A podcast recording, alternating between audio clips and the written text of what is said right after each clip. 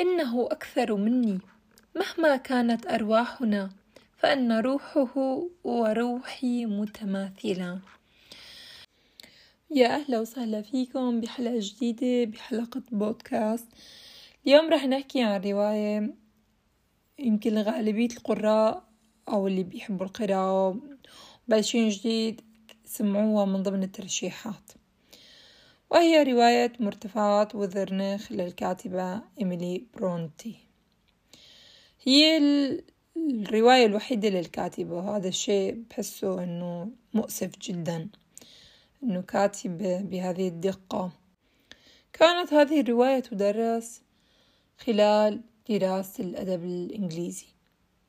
في غالبية الدول العربية والبلدان العربية أو حتى الدول آه، الغربية على ما أعتقد.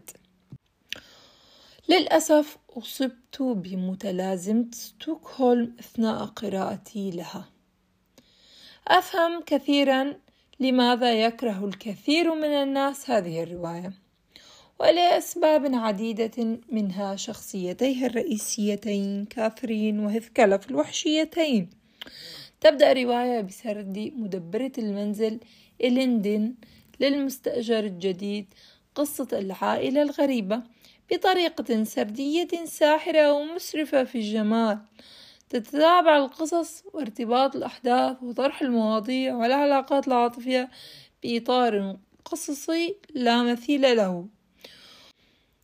لقد أصبت بتعلق وحشي بهذه الرواية. عشق لأشخاص وشخصيات لم أسمع بها من قبل. الرواية ليست رومانسية على الإطلاق. رواية كلاسيكية مليئة بالاستفزازات وبالشخصيات الخطرة والهجومية والعدائية. آه، بناء الشخصيات والحوارات رائع التصوير الطبقي لتلك الحقبة أمر لم أعهده ولم أسمع به كما ذكرت. قط شخصيات الرواية شريرة بطريقة مستهلكة وتفتقر للخير الذي زرع بطريقة وعرة في تربيتهم. وبعض الشخصيات التي جبلت على الظلم لا بد لها أن لا نتوقع منها عكس ذلك. يعني تخيل شخص عايش آه تعلم الحقد الظلم القهر آه ما شاف حنية وحب وتعامل منيح. كيف نحن بنتوقع من الشخص يطلع منه هذا الشيء؟ مو كل الناس. أنا أنا ضد كمان مقولة فاقد الشيء لا يعطيه فاقد الشيء يعطوه ببذاخ. الاثنين ما بحسهم ما ما زابطات في احتمال كبير يعطي وفي احتمال كتير ما يعطي هو في الغالب إحنا كائنات بنتعلم. يعني الطفل كل شي بتغرس فيه بيتعلمه كل شي كل شي.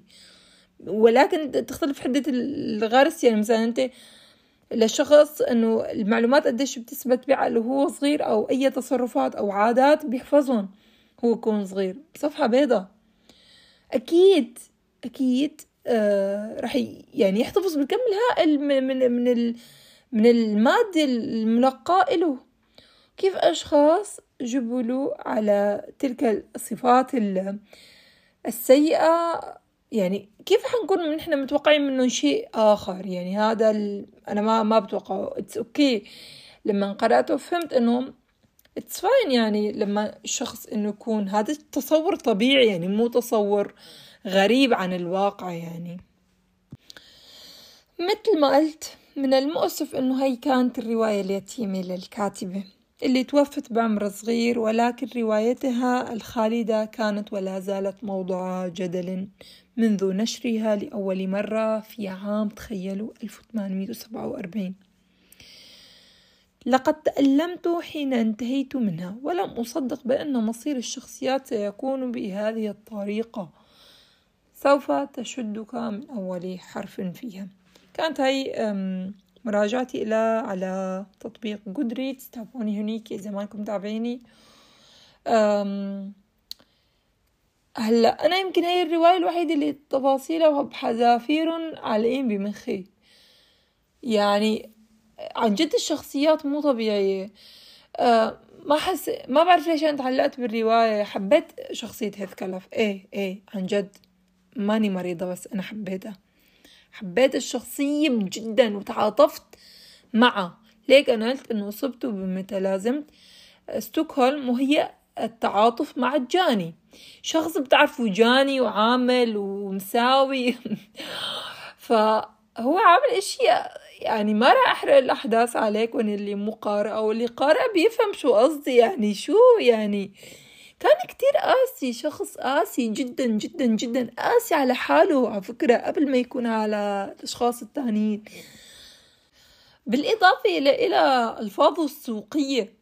يعني ألفاظه على الترجمة كانت جيدة نوعا ما. ولكن عن جد شخص يعني اللي هي الكاتبة عن جد يعني ذكية لدرجة كتير أنا أنا أنا معجبة فيها.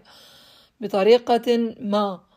آه، كيف بنت الشخصية عرفت تختار؟ مو بس على فكرة هي عاملة مزيج خليط من الصفات وجمعتهم. هذا الشخص مو بس صفات فيه سلبية. يا أيام تحسك تتعاطف معه أيام لا. في ناس ما بعرف بتحسن أيام يعني يكون هن مظلومين بس ما فيك تتعاطف معهم. أو مثلا بيكونوا ظالمين ما فيك تتعاطف هذا بحسه ظالم وفيك تتعاطف معه. إنه هو اوريدي عاش هاي التجربة. بس هو تصرف بطريقة ردة فعله يعني كتير كتير كتير صعبة. زعلت على النهاية وصدمتني.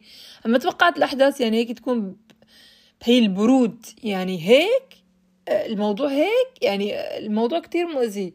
مؤذي نفسيا. الشخصيات ما حدا حب حدا.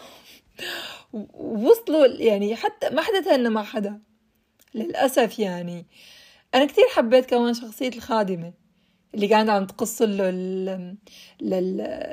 للسيد لوكوود آه الحكاية آه كيف في شخصيات هي عن جد بحس أيام متعاطفة مع هيثكلف أيام مع كاثرين أيام مع بنتها وهيك.